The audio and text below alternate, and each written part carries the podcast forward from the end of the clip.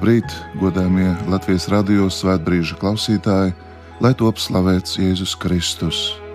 Ar jums šodien kopā ir Romas katoļu baznīcas bīskaps Andris Kravalis. Dieva tēva un dēla un svētā gara vārdā Āmen. Šodien lielā gaveņa sestā svētdiena. Tā arī tiek saukta par palmu jeb pūpolu svētdienu, un tā mūs ievada klusās, jeb Kristus ciešanu nedēļas noskaņā. Ar šodienu iesākās baznīcas liturģiskā gada kulminācija, laika posms, viena nedēļa, kurā mēs pieminam Kristus ciešanas, viņa nāvi un augšām celšanos. Šodien esam kopā ar kungu, kurš ienāk Jeruzalemes pilsētā gaviļu pavadīts. Jēzus dažas dienas pirms savas nāves tautas priekpilnos saucienus sagaidīts, noslēdzot savu svētceļojumu, iet svētajā pilsētā, lai piepildītu savu pestītāju misiju.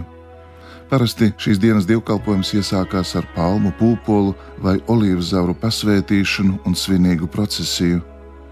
Pateicības pilnā gājienā, kurā sveicam un priecājamies par lieldienu, mūsu pestīšanas un lielo svinību dāvanas tuvumu. Kluso nedēļu pavada dubults noslēpums, prieks par Jēzus ierašanos Jeruzalemē un reizē viņa pazemošana. Kopā savies priekpilni saucieni un arī ārkārtīga nežēlība. Pāvests Francis saka, ka palmu svētdienas liturģijai piemīt divas garšas - salda un rūkta. Tā ir reizē priecīga un sāpīga. Šajā dienā svinam Kristus triumfālo ienākšanu Jeruzalemē, bet tūlīt pēc tam klausāmies viņa ciešanu aprakstu. Jēzus ir Mesija, kurā skaidri atklājās dieva un cilvēka kalpa vaipsti. Viņš nāk, lai izciestu mokas un nomirtu pie krusta, un tāda ir mūsu pestīšanas cena. Jēzus saviem mācekļiem vienmēr atgādināja, ka viņa ceļš uz pilnīgu uzvaru ies caur ciešanām un krustu. Jēzus atļauj sevi godināt ar hozanna saucieniem, lai gan labi zina, ka pēc īsa brīža pūlis klieks sit viņu krustā. Lai to labāk apzinātos, pievērsīsimies Dieva vārdam. Šodien dievkalpojumos tiek lasīts Kristus ciešanu apraksts, bet mēs ieklausīsimies tikai Jēzus ienākšanas Jeruzalemes pilsētā fragmentā, kur atrodam Lūkas evanģēlija 19. nodaļā, sākot no 28. panta. Tajā laikā Jēzus gāja uz Jeruzalemi, un notika, ka tuvojoties Betfāgai un Betānijai, pie kalna, kas saucās Eļas kalns, viņš sūtīja divus mācekļus sacīdams: Ejiet uz ciemu, kas ir pretī, tajā iedami jūs atradīsiet piesietu ēzeļmātes kumeļu, uz kura neviens no cilvēkiem nekad nav sēdējis. Atraisiet to un atvediet šurp un, ja kāds jums jautātu, kādēļ jūs raisāt vaļā, sakiet tā, tas ir vajadzīgs kungam. Sūtītie aizgāja un visu atrada tā, kā viņš bija tiem teicis. Bet, kad viņi raisīja vaļā ēzelīti, tā saimnieki viņam sacīja: Kāpēc jūs atraisāt kumeļu? Bet viņi atbildēja: Tas ir vajadzīgs kungam. Un viņi to atveda pie Jēzus un uzmetuši ēzelītim savas drēbes, uzsēdināja uz tā Jēzu, un viņam jājot tie klāja uz ceļa savas drēbes. Bet, kad viņš jau tuvojas eļļas kalna nogāzē, viss mācekļu pulks sāka priecīgi slavēt Dievu skaļā balsī par visiem brīnumiem, kurus bija redzējuši. Bet ļaužu pūlis, kas gāja viņam gan pa priekšu, gan nopakaļ, sauca Hozanna Dāvida dēlam: Svētīts, kas nāk kunga vārdā, Hozanna augstumos! Slavēts lai ir ķēniņš, kas nāk kunga vārdā, miers debesīs un gods augstumos! Bet daži farizēji no pūļa sacīja viņam, mācītāji apsauc savus mācekļus, bet viņš atbildot teica: Es jums saku, ja šie klusēs, tad sauks akmeņi. Tie ir svēto rakstu vārdi - pateicība Dievam!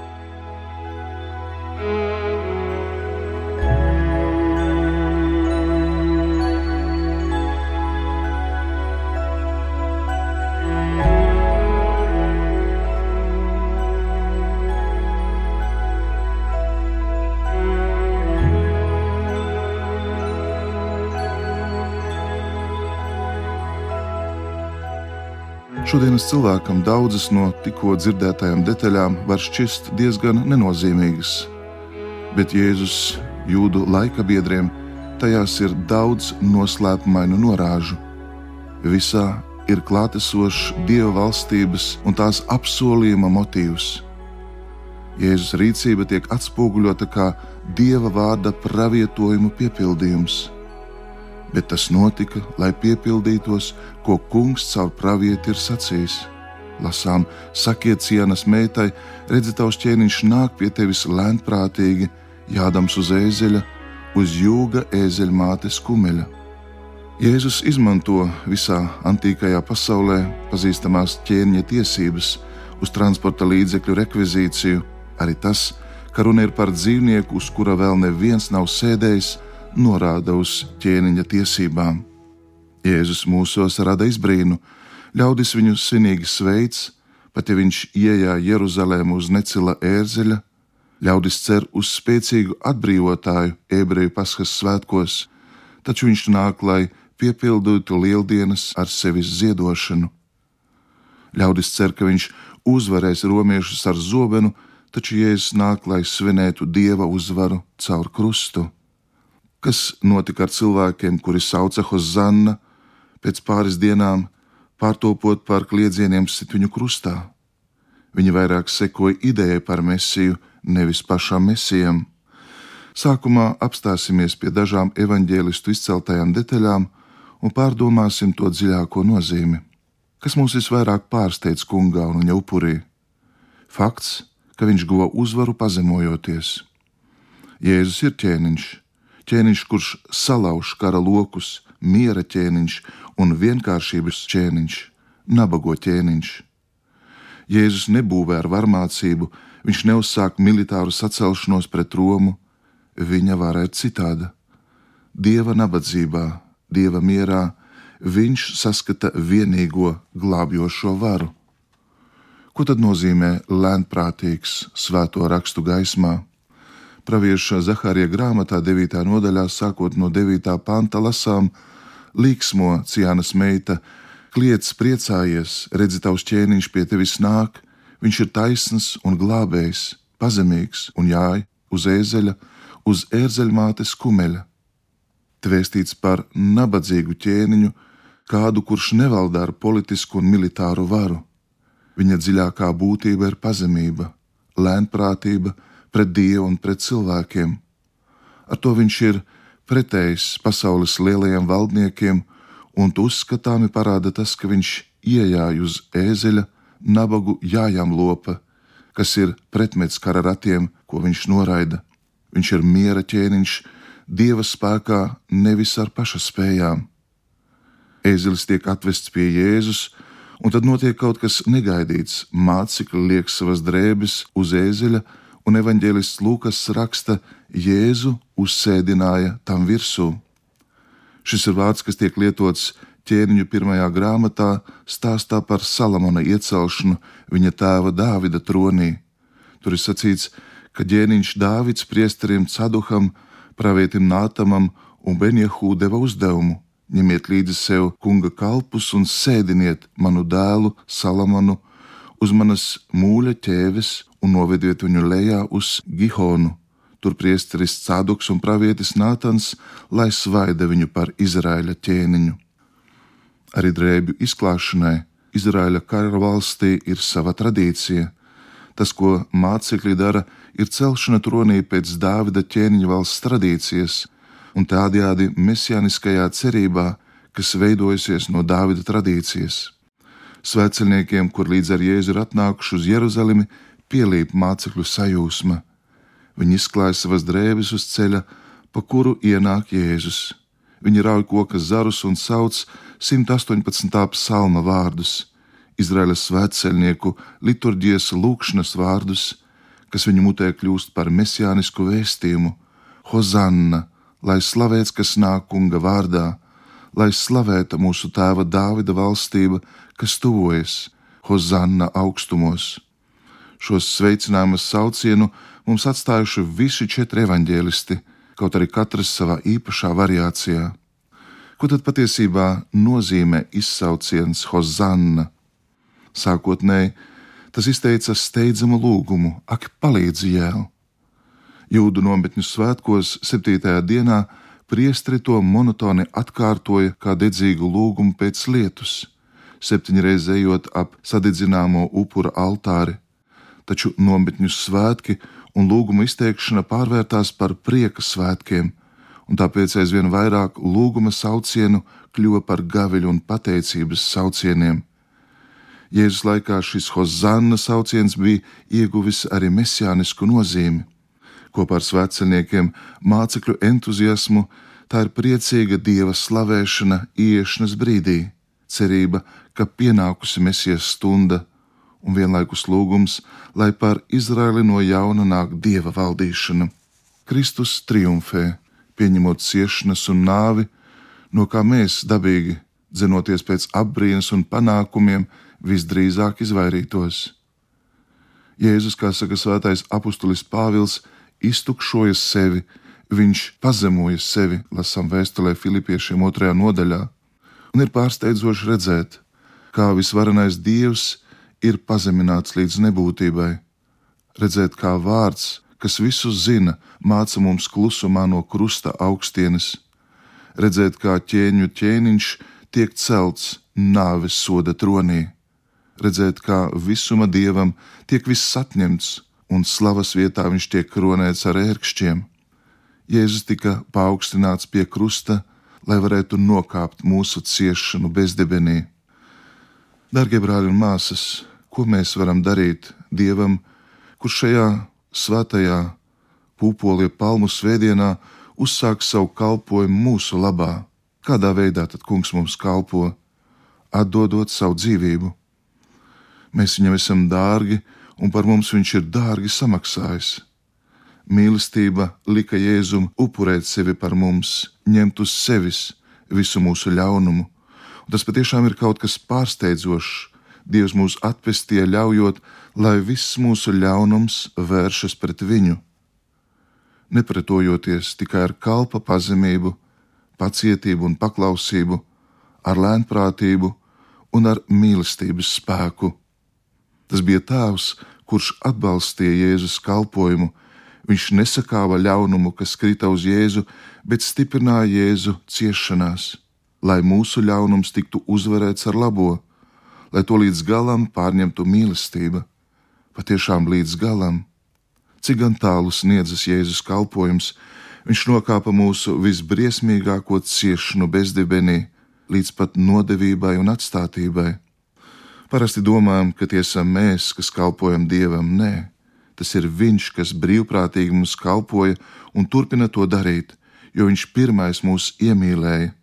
Grūti ir mīlēt bez apziņas, ka esi mīlēts, un vēl grūtāk ir kalpot, ja neļaujam Dievam mums kalpot. Tāpēc uzticies, atver savu sirdi Dieva mīlestībai, un tu saņemsi Dieva mierinājumu, kas tevi stiprinās. Mēs esam pasaulē, lai mīlētu Dievu un cilvēkus.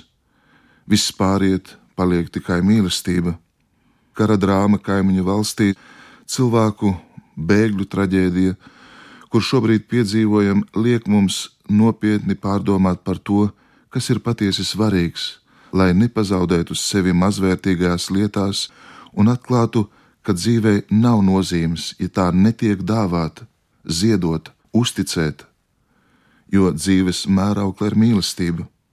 Šajās svētajās dienās, kas stāv mums priekšā, savās mājās atradīsim laiku nostāties krustā sistā priekšā, skatīties uz krucifiksu, kas ir Dieva mīlestības mērs cilvēcei. Dievam, kurš mums ir kalpojis līdz pat savas dzīvības atdošanai, raugoties uz krucifiksu, lūgsim žēlastību dzīvot, lai kalpotu. Centīsimies būt blakus tiem, kas cieš, kur jūtas vientuļi un kuriem ir vajadzīga palīdzība. Domāsim ne tikai par to, kas mums pietrūkst, bet arī domāsim par labo, ko mēs varētu darīt priekš citiem. Kalpošana ir uzvaras ceļš, caur kuru mēs tiekam atpestīti un caur kuru tika izglābta mūsu dzīvība. Tāpēc nebaidies to veltīt dievam un cilvēkiem, tādējādi tu tikai to iegūsi, jo dzīve ir dāvana, kas tiek saņemta ja mēs sevi dāvājam. Tāpēc vislielākais prieks ir teikt jā mīlestībai, bez kādiem var būt vai bet, tāpēc, ka Jēzus ir to darījis mūsu labā un atstājis mums piemēru. Ļausimies, lai Jēzus mums pārsteidz tā, ka varam sākt dzīvot jaunā kvalitātē, jo dzīves lielums nebalstās mantā vai sekmēs, bet gan saprotot, ka esam mīlēti un piedzīvojot mīlestības skaistumu. Gribās novēlēt jums visiem šo mīlestību šajās svētajās klusajās dienās, zinot, ka tieši caur to mūsu pestīšana tiek aktualizēta Protams, lūksimies arī par situāciju kaimiņu valstīs un vēlos noslēgt šīs pārdomas ar brāļa Aloīzi Tezē kopienas vadītāju lūgšanu. Jēzu Kristu, paliekot tavā priekšā, mēs ļaujam šai degošai lūgšanai pacelties pie tevis, lai apklust ieroči uz Ukrainas zemes. Pieņem savā mīlestībā tos, kuri mirst no vardarbības un kara, mierina sārojošās ģimenes parādi savu klātbūtni tiem, kur ir izmisumā un kuriem ir nācies izvēlēties trimdas ceļu. Palīdz tiem, kuri ilgojas pēc miera, kuri izrāda iniciatīvas apturēt karu Ukrajinā, Baltkrievijā, Krievijā un citur, sastopoties ar neaptveramām ciešanām, mēs ticam, ka tev mīlestības un miera vārdi nekad nezudīs. Tu devi savu dzīvību pie krusta un atvēri mums nākotni pat pēc nāves Šajās lieldienās tava augšām celšanās gaisma mūs vadīs arī tumsā. Atgādini mums, ka ļaunumam nekad nav pēdējais vārds, un mēs tevi ļoti lūdzam, dāvā mums mieru mūsu laikiem, tu esi mūsu cerība, un svētā gara spēkā mēs vēršamies pie debes tēva ar tiem vārdiem, kurus tu, kungs, Jēzu mums esi mācījis, sakot: Mūsu Tēvs debesīs, svētīts lai top tavs vārds lai atnāk tava valstība, tavs prāts, lai notiek kā debesīs, tā arī virs zemes. Mūsu dienascho maizi dod mums šodien, un piedod mums mūsu parādus, kā arī mēs piedodam saviem parādniekiem, un neieved mūsu kārdināšanā, bet atpestī mūs no ļauna, jo tev pieder valstība, spēks un gods mūžīgi mūžos. Āmen! Jaunā Marija! Dieva māte dod mums mieru, cerību un mīlestību, lai jūs visus svētī sargā un pavada visvarenais un žēlsirdīgais Dievs Tēvs un Dēls un Svētais Gars. Āmen!